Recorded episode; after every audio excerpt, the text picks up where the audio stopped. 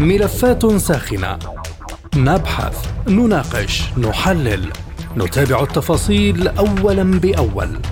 ملفات ساخنة.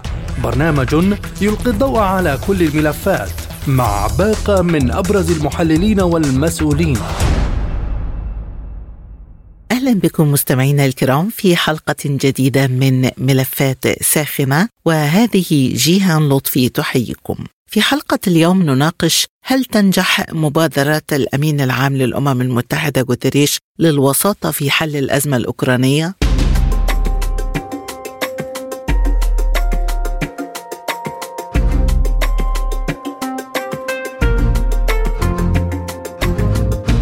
أعلن الأمين العام للأمم المتحدة أنطونيو غوتريش استعداده للتوسط في مسألة الأزمة في أوكرانيا ردا على مبادرة كييف وقال إن هذا سيكون فقط بموافقة جميع الأطراف بما في ذلك روسيا. واقترحت السلطات الأوكرانية يوم الاثنين عقد قمة سلام في الأمم المتحدة بحلول نهاية فبراير المقبل مع الأمين العام للأمم المتحدة أنطونيو غوتريش كوسيط محتمل. في الوقت نفسه قالت كييف إنه يجب دعوة روسيا للمفاوضات بشروط. وصرح المتحدث باسم الكريملين ديمتري بيسكوف بأن روسيا لن تجري مفاوضات بناء على شروط الآخرين وقال إن موسكو لم تتبع ابدا الظروف الخارجية. وقال وزير الخارجية الروسي سيرجي لافروف إنه من الأفضل تنفيذ مقترحات نزع السلاح من الأراضي التي تسيطر عليها كييف والقضاء على التهديدات الأمنية وإلا فإن الجيش الروسي سيقرر هذه المسألة ويحسمها بنفسه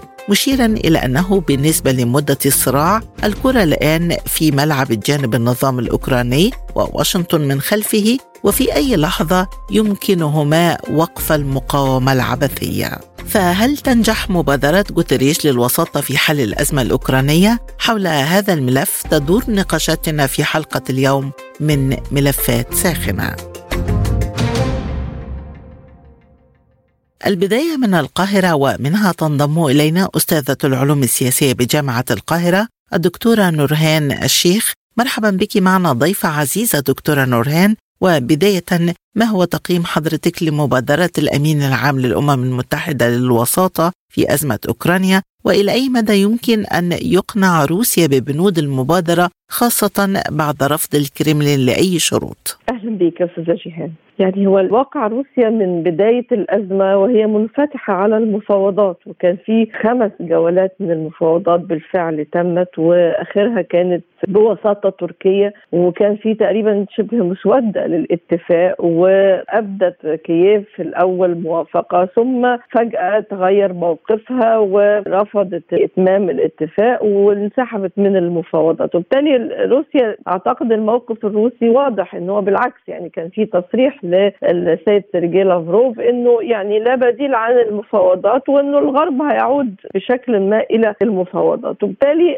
روسيا موقفها واضح لكن الحقيقة الطرح اللي بيقدم أعتقد للجانب الروسي لن تقبله موسكو لأنه مسألة التنازل أو العودة إلى حدود 91 يعني كل ما تطرحه كييف الحقيقة أعتقد إنها غير جادة في طرحها لأنها تعي جيدا أن الجانب الروسي لن يقبل بهذا. وربما يعني من وجهة نظري تكون هذه وأعتقد هذا ما يتخوفه الجانب الروسي إنها تكون مجرد مناورة لتضييع وقت في الشتاء أو كسب وقت في الشتاء وتخطي مرحلة الشتاء لأنه معروف إن طبعا عموما العمليات العسكرية والقتال بيبقى في الشتاء أمر صعب والحقيقة في تقدم روسي واضح على بالذات على الجبهة في دونيتسك وبالتالي ربما يكون ده مناورة للتخفيف من الضغوط في الجبهة العسكرية.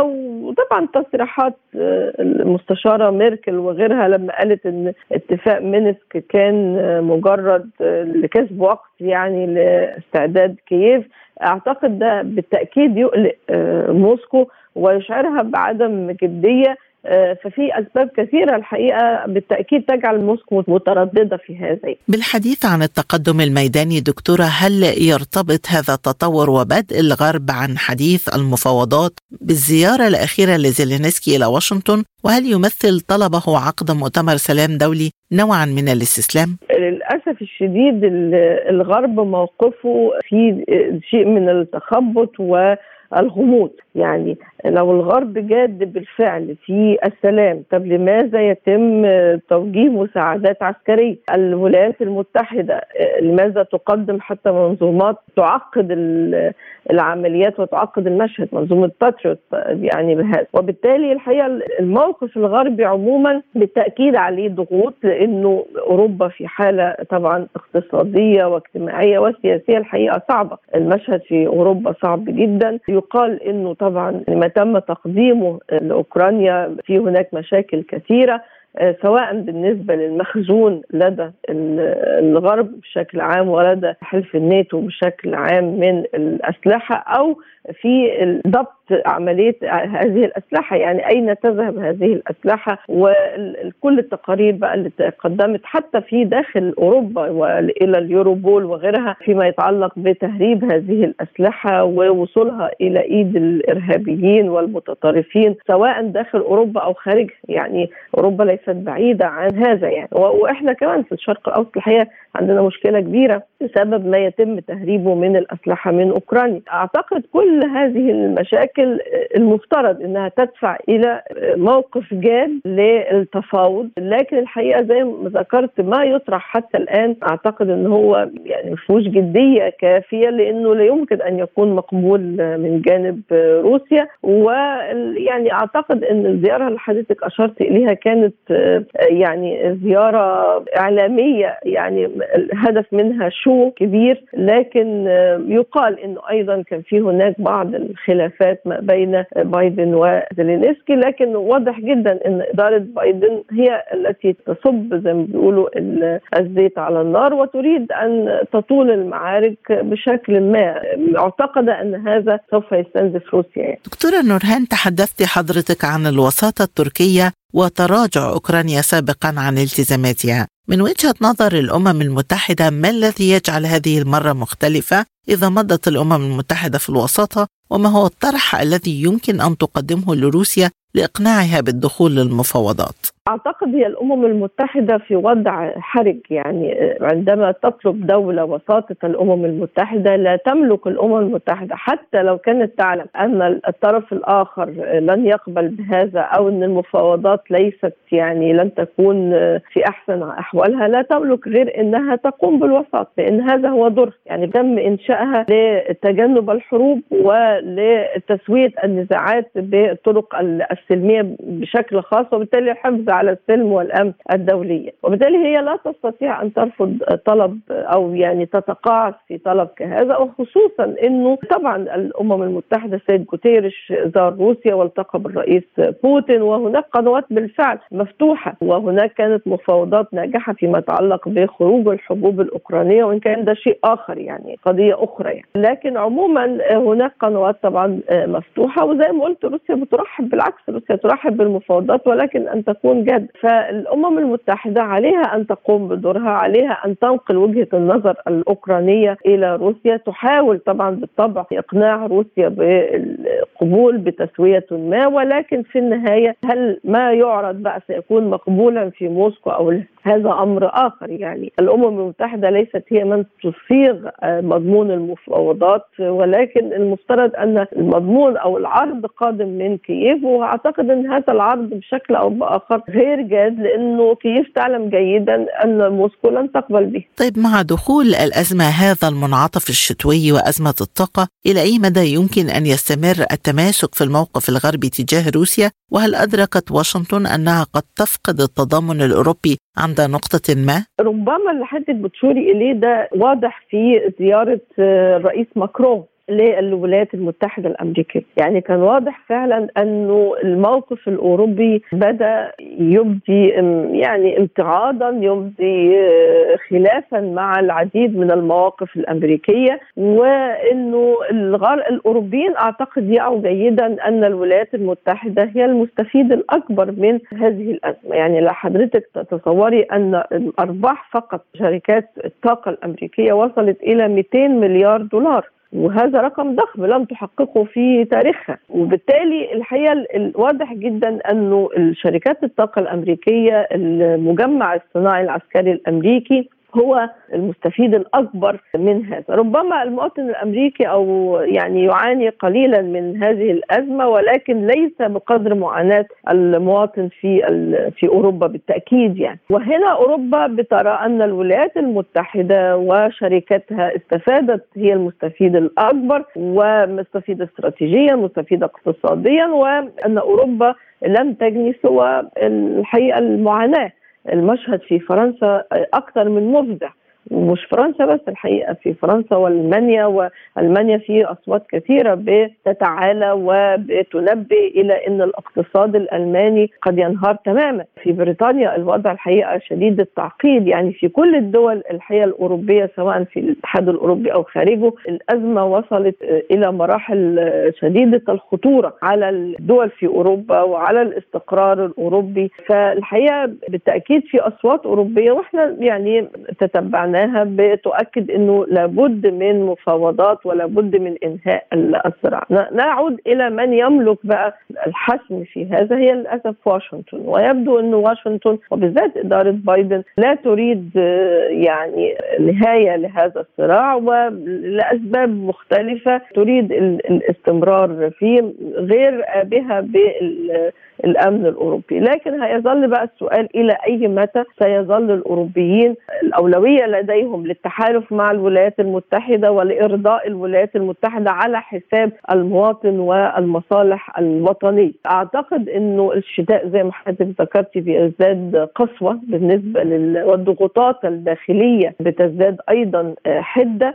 وربما يحدث تطور ما في الحقيقة الشهر أو الأشهر القادمة في في الموقف الأوروبي ونأمل هذا يعني الحقيقة يعني الأوروبيين يجب أن يميزوا مواقفهم عن الولايات المتحدة لأن الولايات المتحدة آه، غير متضرر حتى المواطن الأمريكي وإن تضرر بعض الشيء لكن بالتأكيد هو في وضع أفضل كثيرا جدا جدا من المواطنين في أوروبا بشكل عام وعلى الدول في النهاية أن تعي مصالحها ومصالح مصالح شعبها وهناك أصوات أوروبية بتقول كده. الحقيقة الموقف المجر تحديدا موقف آه، جيد جدا. ورئيس الوزراء المجري أكثر من مرة دعا الاتحاد الأوروبي لاتخاذ مواقف تتوافق مع آه، مصالحه. لكن يبدو إن الأوروبيين آه، يعني ما زالوا يحافظون على التحالف مع الولايات المتحدة وربما يتغير موقفهم أو نأمل هذا. خبيرة الشؤون الروسية وأستاذة العلوم السياسية بجامعة القاهرة الدكتورة نورين الشيخ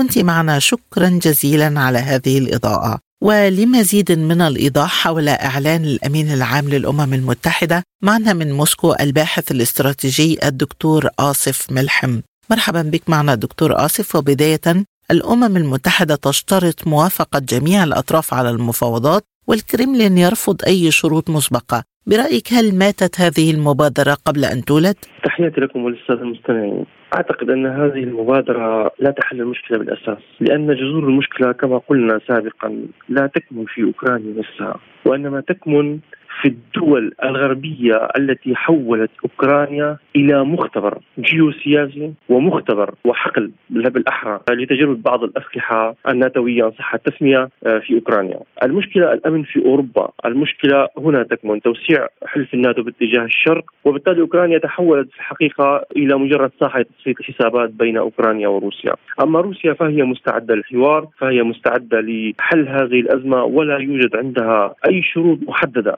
سوى الحصول على ضمانات أمنية من الدول الأوروبية فحسب، وبالتالي هذه المبادرة في الحقيقة ميتة أن صح التسميه قبل أن يتم الشروع بأي أعمال لاحقة فيها. ولكن دكتور المعطيات على الأرض تشير إلى تقدم روسي، هل يمكن أن تتوقف روسيا للتفاوض قبل حسم النصر النهائي؟ خاصة في ظل المخاوف من أن تكون الدعوة للمفاوضات مجرد مناورة. نعم قد تكون الدعوة للمفاوضات كما قلت حضرتك هي مجرد مناورة وهذا الأمر يعني نفهمه جيدا في الدول الغربية في الولايات المتحدة الأمريكية على سبيل المثال عندما تشعر بدرجات الخطر فهي تسعى وتدعو إلى المفاوضات وهذا أمر طبيعي يعني في السياسة الأمريكية يعني وهذا أمر تقليدي وطبيعي في السياسة الأمريكية. روسيا اتخذت القرار والحقيقة أن الحرب بدأت في روسيا تتجه باتجاه إن صح التسمية إلى صراع بطيء متدرج شيئا فشيئا. وهذا الشيء يناسب أستاذ الجيهان يناسب روسيا. والرئيس بوتين نفسه عندما قال نريد توحيد الشعب الروسي وهو في الحقيقة لم يكن يقصد توحيد الشعب الروسي كأثنية روسية وإنما توحيد الحضارة الروسية التي تمتد من حدود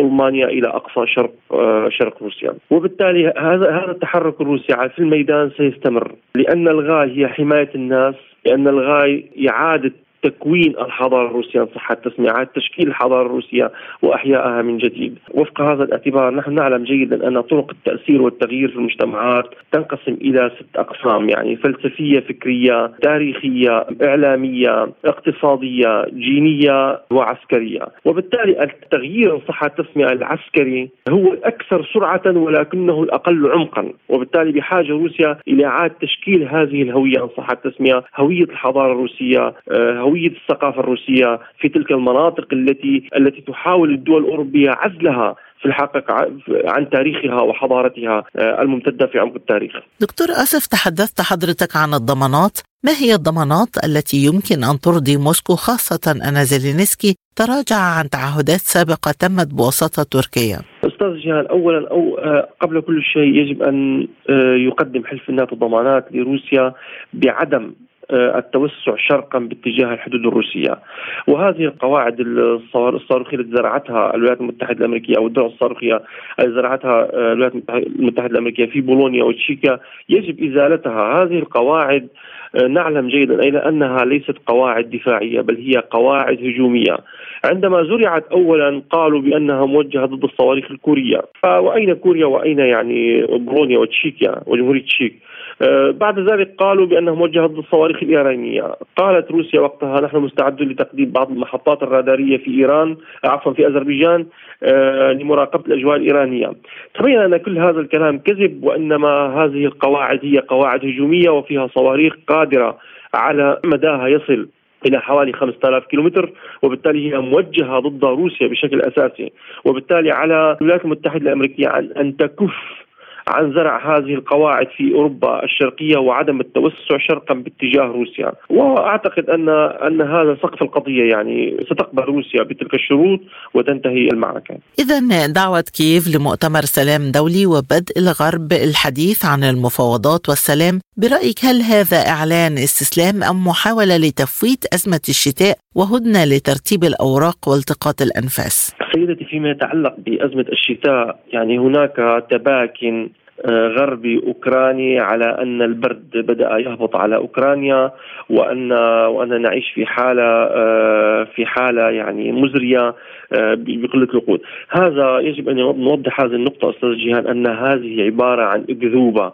يمارسها النظام الأوكراني، نحن نعلم ويروج لها في الإعلام بهدف استدرار وبهدف يعني سرقة الأموال الغربية لأن هناك منظومات فساد ممتدة في أوكرانيا وفي بعض الدول الغربية أيضا تحاول سرقة هذه الأموال وهي أموال دافع الضرائب الأمريكي بكل بساطة. وبالتالي من هذه الناحية أعتقد أنه مجرد تباكن يعني لا يوجد لا يوجد أزمة شتاء في في أوكرانيا لأن هناك وفق التقارير الأوكرانية نفسها هناك فائض من الغاز في أوكرانيا حوالي 3 مليار متر مكعب. وهذا وهذا وهذا ليس أقوالي أنا وإنما أقوال نائب رئيس اللجنة البرلمانية لشؤون لشؤون الطاقة لشؤون الطاقة والقضايا العمرانية في أوكرانيا نفسها. وهو عضو في مجلس الرادة طبعا. علاوة على ذلك هناك عدة قرارات اتخذها مجلس الرادة وجرت تغطية إعلامية عليها بالسماح ببيع الغاز الأوكراني لبعض الزبائن الآسيويين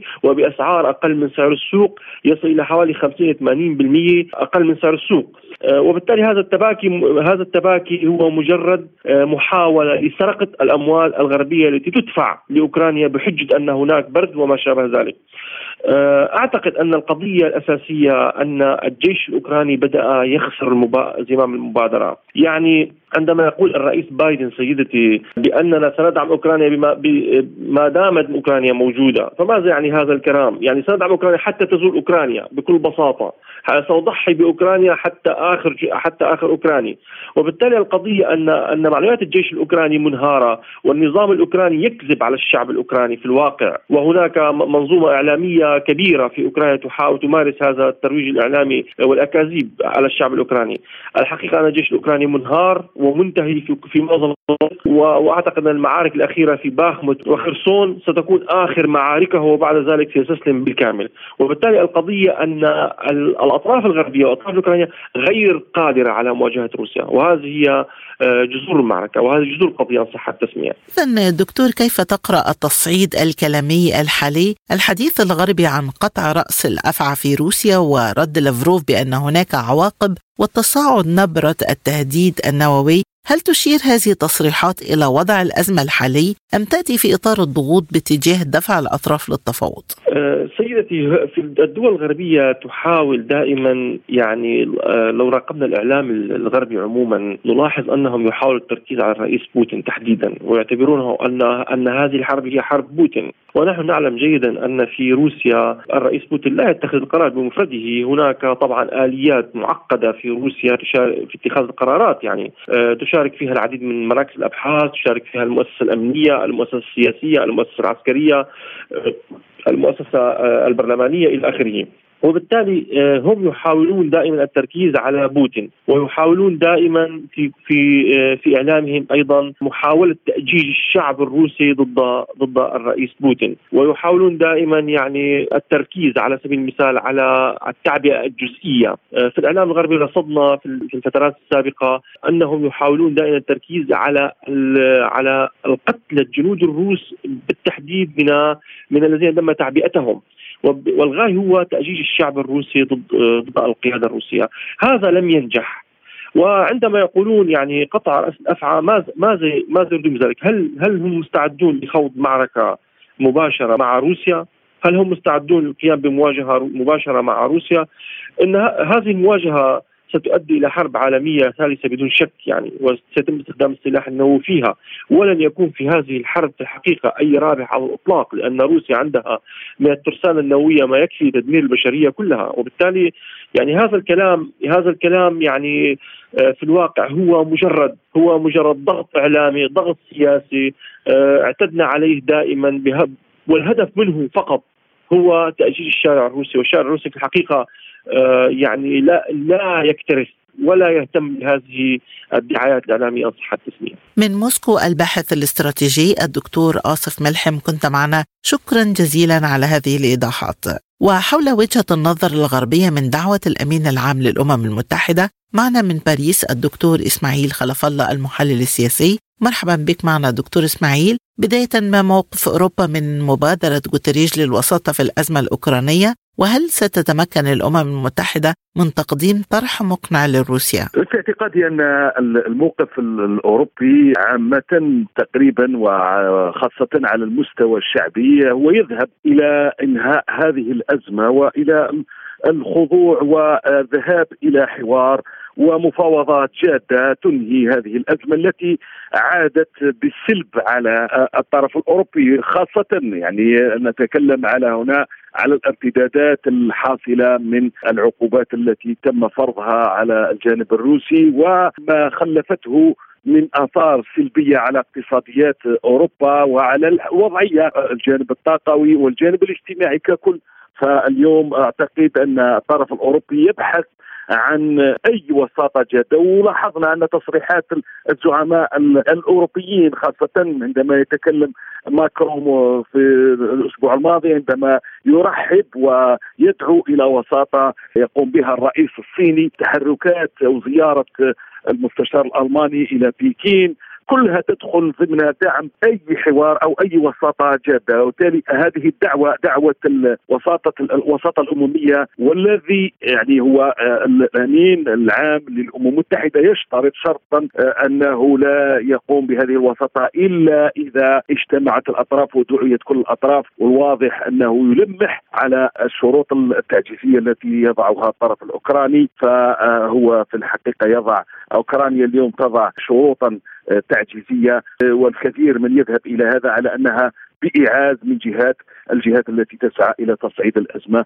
والى مواصلة استنزاف روسيا وبالتالي فنقول بأن التوجه الأوروبي ككل أعتقد أنه يذهب إلى دعم أي وساطة جادة. بالحديث عن عرقلة الرئيس الأوكراني للمفاوضات، تقديرك دكتور هل يتم الاحتفاظ بزيلينسكي خلال المرحلة المقبلة مع تغيير دوره أم أن دوره انتهى وإلى أي مدى يمكن أن يضحي الغرب به؟ المتتبع للمشهد الأوكراني عندما يسمع الرئيس الأوكراني عندما يقول أنه يذهب أو يعتزم إقامة قمة سلام هكذا في نهاية فيفري وكأنه هذا الرجل يعيش في راحة وفي كذا.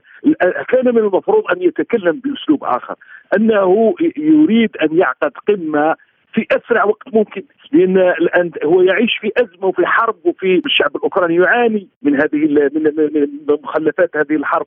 كيف يعني يخاطب وكأنه الرجل يعيش في أريحية؟ فالواضح أنه يتكلم بلسان غيره. هذا هو الملاحظ وأن هذه الشروط التي يضعها آه، الرئيس الأوكراني زيلينسكي هي في الحقيقة تملى عليه وهذا واضح جدا على أنه لا يفكر في الوضعية الذي تعيشها أوكرانيا ويعيشها الشعب الأوكراني. بكل أسف نقول بأن مسؤول مثل هذا لا يمكن أن يسير هذه الأزمة وبالتالي وحتى الرئيس الروسي عندما يطرح استعداده لأي مفاوضات جادة هو يرى يعلم جيدا بأن هذا الخصم أو الطرف الآخر هو غير جاد وليست له حقيقة ليست له سلطة على ما يصدر من تصريحات إنما هي ربما اوامر أو يعني كل ما يأتيه من من جهات معروفة على أساس أن تستمر هذه الأزمة والأزمة يعني استمرار الأزمة هو من مصلحة من؟ هو مصلحة جهات معينة تريد أن تستنزف روسيا وأن تطيل أمد الأزمة حتى تحصيل أكثر أكبر نتيجة من من الاستنزاف. اذا إلى أي مدى يمكن أن يذهب الغرب في تقديم الضمانات المطلوبة لروسيا خاصة أن هذه الضمانات تسببت في اندلاع الأزمة في المقام الأول وهل ستتخلى واشنطن عن هدفها في استنزاف روسيا كما تفضلت؟ وأنا أعتقد وهو سؤال وجيه يعني وأنا أعتقد أن هذا هو لب جوهر صعوبة أي وساطة وأي نجاح لأي وساطة. وهو الان الآن روسيا عندما تتكلم على مفاوضات هي تريد أن تكسب ضمانات التي كانت تتحدث عنها وتريدها من قبل آه، آه، في اتفاقية مينسك والتي تم انتهاكها. آه، فهي تريد هذه الضمانات.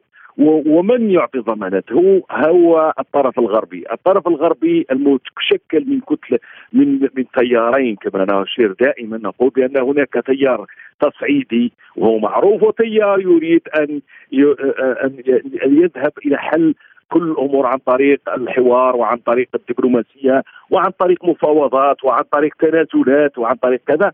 فهذا هذا الذي تريد أن تضمنه أي مفاوضات تقوم بها أو تقدم عليها روسيا فروسيا اليوم تريد أن تحصل على هذه الضمانات. من من يستطيع أن آه، يعطي هذه الضمانات؟ في اعتقادي أن الظروف الحالية هي التي تضغط على الطرف أو أو الجانب الأوروبي أو في الجانب حتى الأمني اليوم. حتى الجانب الأوروبي اليوم أصبح أن يخشى أن هذه رقعه الحرب تتوسع لا قدر الله وبالتالي فهو من مصلحته أن يقدم هذه الضمانات لإعطاء آه، نهاية سلمية لهذه الأزمة التي في الحقيقة ينتظر الجميع أنه ينتظر أن تكون أن أن تكون يعني نهايتها عن طريق تفاوضات تبني تبني سلام حقيقي. بحديثي إلى الدكتور إسماعيل خلف الله المحلل السياسي من باريس نكون قد وصلنا إلى ختام حلقة اليوم من ملفات ساخنة. كنت معكم جيهان لطفي وللمزيد زوروا موقعنا على الإنترنت سبوتنيك dot ae شكرا لطيب المتابعة وإلى اللقاء. مستمعينا بهذا نصل وإياكم إلى نهاية هذه الحلقة من برنامج ملفات ساخنة. طابت أوقاتكم وإلى اللقاء.